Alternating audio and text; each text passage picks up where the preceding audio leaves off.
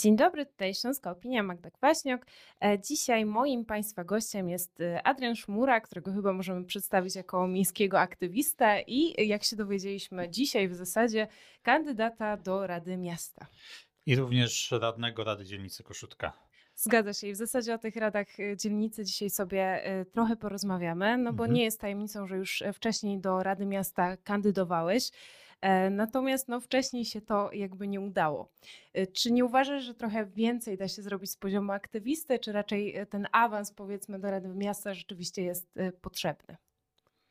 Znaczy myślę, że awans do Rady Miasta no na pewno jest jakimś takim narzędziem, które ułatwia też tą taką pracę, powiedziałbym, w terenie, tak? Czyli tą aktywność na rzecz miasta. Oczywiście bez mandatu radnego Rady Miasta czy radnego Rady Dzielnicy to też jak najbardziej jest możliwe. Można założyć jakąś swoją organizację, swoje stowarzyszenie lub po prostu działać e, w jakichś nieformalnych grupach. Tutaj mógłbym podać kilka przykładów z Katowic, że takie osoby są w, w tej przestrzeni publicznej i, no, i funkcjonują. E, okej. Okay. E, czy w takim razie, jako ten e, członek, być może nowo wybrany Rady Miasta, będziesz chciał w jakiś sposób e, rozszerzyć kompetencje rad dzielnicy? No bo nie jest tajemnicą, że te kompetencje są raczej znikome i myślę, że wielu radnych dzielnicowych podnosi tę kwestię właśnie w przestrzeni tam gdzieś medialnej. No to jest taki mój cel, powiedziałbym trochę od zawsze, czyli od momentu, kiedy pierwszy raz wystartowałem do Rady Miasta. Hmm czyli od 2014 roku, od tych wyborów, no zawsze gdzieś tam z tyłu głowy miałem, że, że o te rady dzielnic należy walczyć, tak, żeby one miały jednak większy wpływ na to, co się w mieście dzieje, żeby też te kompetencje były takie twarde, tak, żeby, żeby nie wiem, dokonywały różnego rodzaju e, odbiorów, inwestycji, żeby również na to miały wpływ, mm, żeby po prostu była tutaj ta decyzyjność, a nie tylko na zasadzie, że rady dzielnic wydają jakąś opinię, która może być wzięta pod uwagę lub, lub nie. No właśnie, no bo chyba te rady dzielnice nie są do końca atrakcyjną formą partycypacji e, w, w takiej polityce samorządowej. No, pewnie dlatego, że jesteśmy konkurencją również dla, dla naszych kolegów i koleżanek z Rady Miasta, stąd też, stąd też trochę taka, powiedziałbym, no niechęć do, do, do rad jednostek czy rad dzielnic no ale myślę, że no musimy się tą władzą w jakiś sposób podzielić i im bardziej ona będzie, im bliżej ona będzie tak naprawdę ludzi, e, tym będzie lepiej dla nas, dla mieszkańców. No masz na to jakiś pomysł? Jakie kompetencje takie twarde, tak jak już wspominałeś, powinny się znaleźć po stronie rad dzielnic? No przede wszystkim różnego rodzaju opinie, o które jesteśmy proszeni, to nie powinny być to takie opinie, to nie powinno być takie stanowisko, które jest właśnie opinią, tylko takie, które jest decyzją. Czyli jeżeli mówimy, że coś jest nie okay, wydajemy taką decyzję, no to, to na tym się sprawa kończy. To uznajemy, że Rada mm, Dzielnicy dała tutaj negatywną ocenę, negatywną opinię i czegoś nie robimy, a nie robimy tego wbrew y, tej lokalnej społeczności. I myślę, że to też miałoby potem wpływ y, na frekwencję w wyborach do rad dzielnic, bo jeżeli te rady są takie, jakie są, że mają kompetencje, ale to nie są takie kompetencje na, na, na twardo, no to też w żaden sposób nie zachęca mieszkańców do tego, żeby brać udział w tych wyborach, e, ani też nie zachęca potencjalnych kandydatów do kandydowania w wyborach do, do rad dzielnic. Stąd też zawsze w Katowicach mamy z tym problem, żeby uzbierać tą minimalną liczbę kandydatów, albo przynajmniej prawie zawsze. Zdarzało się również przypadek z Zawodzia oraz z dzielnicy Brynów, część wschodnia osiedle Zgrzebnioka, gdzie po prostu w wyniku tego, że nie zebrano tej minimalnej liczby kandydatów w wyborach do Rady Dzielnicy, no wybory się po prostu nie odbyły i Rady Dzielnic zostały rozwiązane. No właśnie, wydaje mi się, że w Katowicach funkcjonuje trochę takie e, zaklęte koło, czyli e, nie ma twardych kompetencji po stronie rad dzielnic, no bo rzeczywiście, tak jak mówisz, frekwencja jest niska, więc trudno mówić o jakiejkolwiek legitymacji społecznej, a z drugiej strony, przez to, że właśnie tych kompetencji e, brakuje, no to chętnych do pracy nie ma, mówiąc kolokwialnie. No to też działa w, takim w drugą stronę. No jeżeli mamy niską frekwencję, do rady tak naprawdę może się dostać każdy, no nawet przypadkowa osoba która zdobędzie, nie wiem, 10 głosów, bo będzie miała dużą rodzinę, niekoniecznie z kompetencjami, co też ma potem wpływ na odbiór tych rad. Tak? Jeżeli mamy tam ludzi, którzy są niekompetentni, no to też jest to taki argument dla, dla radnych, dla prezydenta, że po co nam te rady dzielnic, skoro tam są ludzie nie zawsze kompetentni. E, wspomniałeś o prezydencie, więc może zapytam Cię o listę, z której e, kandydujesz, bo będziesz kandydował z, z listy Forum Samorządowego, mimo tego, że wielokrotnie zdarzało Ci się prezydenta za różne działania krytykować. No i pytanie jest proste, dlaczego? No, krytykowałem, ale również chwaliłem, więc no ja tak podchodzę do tego zdroworozsądkowo. Nie ma na ten moment na, tak w cudzysłowie, na rynku e, kandydata, który byłby tym kandydatem stuprocentowym, każdy ma jakieś wady i każdy ma jakieś zalety. No na, to, na ten moment mamy tak naprawdę dwóch kandydatów. Mamy prezydenta Marcina Krupę i mamy e, Dawida Durała, który również startuje. On też ma oczywiście swoje zalety, też ma swoje wady. Powiedzmy na ten moment przekonało, przekonały mnie no, zalety i dotychczasowe dokonania prezydenta Krupy. E, wspomniałeś tutaj powiedzmy o ofercie e, programowej. E, no to ja się zapytam o Twoją ofertę programową. Co chciałbyś zrealizować wchodząc do, do Rady Miasta? Jaki jest Twój ogólny cel no, działalności, mhm. można powiedzieć? Znaczy, ci, którzy mnie znają, no, uznają, że żadnej rewolucji tutaj nie powiem. No, ja chcę przede wszystkim kontynuować tą swoją pracę, którą wykonywałem, wykonuję do tej pory.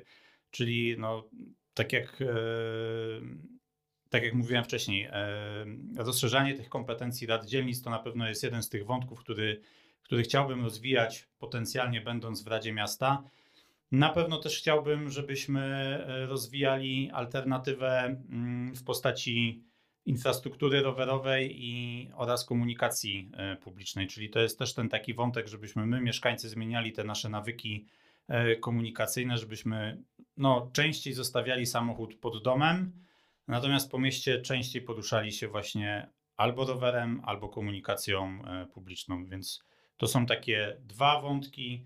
No plus oczywiście ogrody społeczne, ale powiedzmy to już taki pomniejszy punkt, czyli ta taka aktywność e, tych lokalnych grup w różnego rodzaju dzielnicach właśnie poprzez, poprzez zieleń, więc to jest też coś, co na pewno chciałbym rozwijać i chciałbym, żebyśmy w Katowicach rozwinęli właśnie to ogrodnictwo miejskie do tego stopnia, żeby to było też coś, czym moglibyśmy się potem chwalić jako miasto.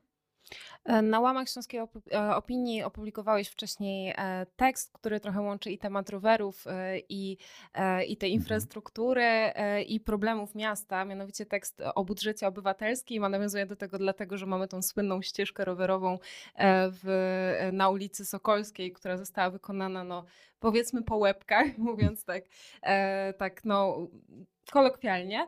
E, no i moje pytanie brzmi, czy, czy właśnie chcesz trochę skupić się na tym budżecie obywatelskim? Czy, czy masz jakiś pomysł na to, jak wciągnąć e, do tego więcej osób, ale żeby jednocześnie ten budżet obywatelski spełniał trochę inne e, funkcje? No, tak jak napisałem, budżet obywatelski w mojej ocenie na chwilę obecną w Katowicach jest do zmiany. No nie może być tak, że mieszkańcy, że zostawia się mieszkańcom tak duże pole do mm, planowania w dzielnicach i tak dalej, a nie ma to potem jakiejś kontynuacji. Tutaj dobrym przykładem, a w zasadzie no, przykładem, nie antyprzykładem, jest właśnie ta, yy, te pasy rowerowe na ulicy Sokolskiej. Ok, mamy wykonane pasy. To jest jak najbardziej dobry pomysł, czyli to, że zawężamy ulicę Sokolską, staramy się uspokajać, dajemy mieszkańcom alternatywę w postaci infrastruktury rowerowej. Tylko właśnie, gdzie jest ciąg dalszy? To, że te pasy kończą się na ulicy Oblatów i mija tak naprawdę czwarty rok od y, zgłoszenia realizacji tego projektu. E, zgłoszenia, no bo realizacja była powiedzmy jesienią tego roku, ale tak naprawdę od momentu, kiedy został on wybrany w, w, w budżecie obywatelskim, tak naprawdę nie wiemy co dalej. Nie wiemy co dalej w kierunku północnym, czy tam ta infrastruktura rowerowa powstanie, nie powstanie. Ludzie się o to pytają, miasto nie ma odpowiedzi mimo że tak naprawdę no, już minęło sporo czasu e, i moglibyśmy dać jakąś gotową odpowiedź, że ok, do ulicy Sokolskiej, ale w najbliższych, nie wiem, 3, 4, 5 latach e, kontynuujemy tą infrastrukturę, rozciągamy ją dalej na te takie uliczki mm, osiedlowe, tak aby można było na przykład połączyć się e, z ulicą Korfantego już na granicy e, Koszutki i Wełnowca. Miasto nie ma odpowiedzi, to jest coś, co przed chwilką e, powiedziałeś, i to jest coś, do czego nawiązałeś, ogłaszając e, swój start w zbliżających się wyborach samorządowych, czyli do komunikacji między Urzędem Miasta a e, mieszkańcami. No i jak ta komunikacja powinna wyglądać, żeby była lepsza, bardziej sprawna, bo to postulujesz? Mhm.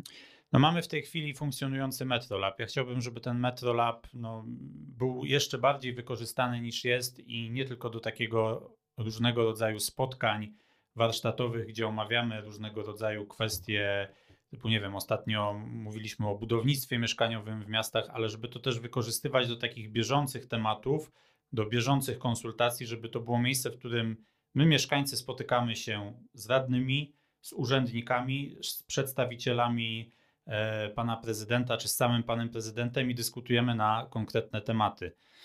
Mm, żeby te konsultacje też nie były wyłącznie w formie cyfrowej, gdzieś tam zawieszone e, na, plan, na platformie konsultacji społecznych, żeby to nie były ankiety, tylko żeby to były żywe spotkania, na których wymienimy się swoimi argumentami, wymienimy się różnego rodzaju doświadczeniami.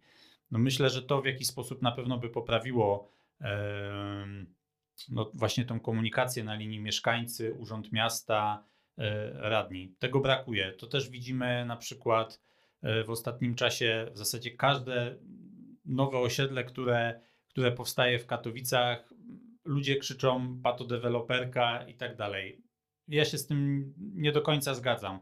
Owszem, mamy miejsca, e, mamy projekty osiedli, które no, faktycznie są przykładem tej patodeweloperki, ale mamy również przykłady, które nie są właśnie no, efektem tej, tej, tej patodeweloperki. Miejsca, gdzie tak naprawdę ta, gdzie to budownictwo mieszkaniowe tak naprawdę powinno powstać.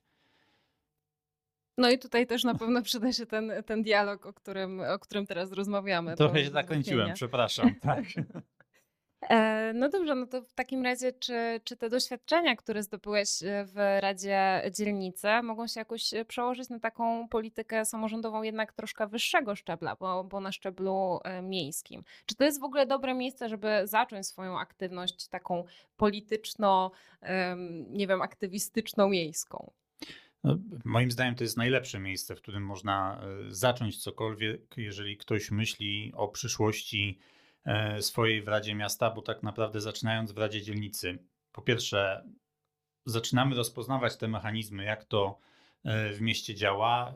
Wiemy, co jesteśmy w stanie e, tak naprawdę mm, no, zmienić, załatwić w kontakcie takim bezpośrednim z urzędnikami, a co nie, co wymaga jakiejś uchwały, co wymaga powiedzmy jakiejś szerszej pracy.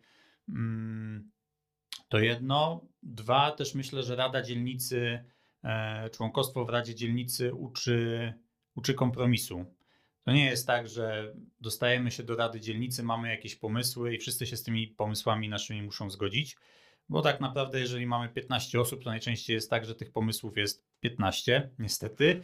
E, I trzeba w jakiś sposób się dogadać. I, I, to nie jest tak, że każdy, kto przychodzi z pomysłem, to ten jego pomysł jest najlepszy i musi zostać zrealizowany. Trzeba jednak wypracować jakiś ten e, kompromis, usiąść, koniec końców do stołu i, i wyjść z czymś gotowym, a nie tylko ze swoją własną wizją. Wydaje mi się, że w ogóle cała polityka samorządowa jest jakąś taką sztuką e, kompromisu, no bo ona się rządzi swoimi prawami. Przecież jeszcze niedawno, z tego co pamiętam, startowałeś z listy e, lewicy do Rady, do Rady Miasta. E, byłeś generalnie z tymi środowiskami związany. Tutaj forum samorządowe, bo to zawsze się zmienia gdzieś tam w kalejdoskopie. Te etykiety chyba są jednak mniej ważne na poziomie samorządu. Znaczy, startowałem z listy SLD i to właśnie był rok 2014 i to był mój pierwszy start. Ja serce mam po lewej stronie i, i, i, zawsze gdzieś tam we mnie ta lewicowość była, jest i mam nadzieję pozostanie. Więc w kwestii takich, e, jakby to powiedzieć, ideowych, no ja jestem po lewej stronie e, sceny politycznej, tam, tam się gdzieś e, widzę. Natomiast w kwestii miejskiej, czy ma to tak wielkie znaczenie? No chyba nie do końca. E, no dobrze, to w takim razie dziękuję bardzo za, e, za odwiedziny i, ja również dziękuję. i rozmowę. E, nazywam się Magda Kwaśnik. Moim Państwa gościem był Adrian Szumura. Dziękuję. To był podcast zrealizowany przez Stian Media.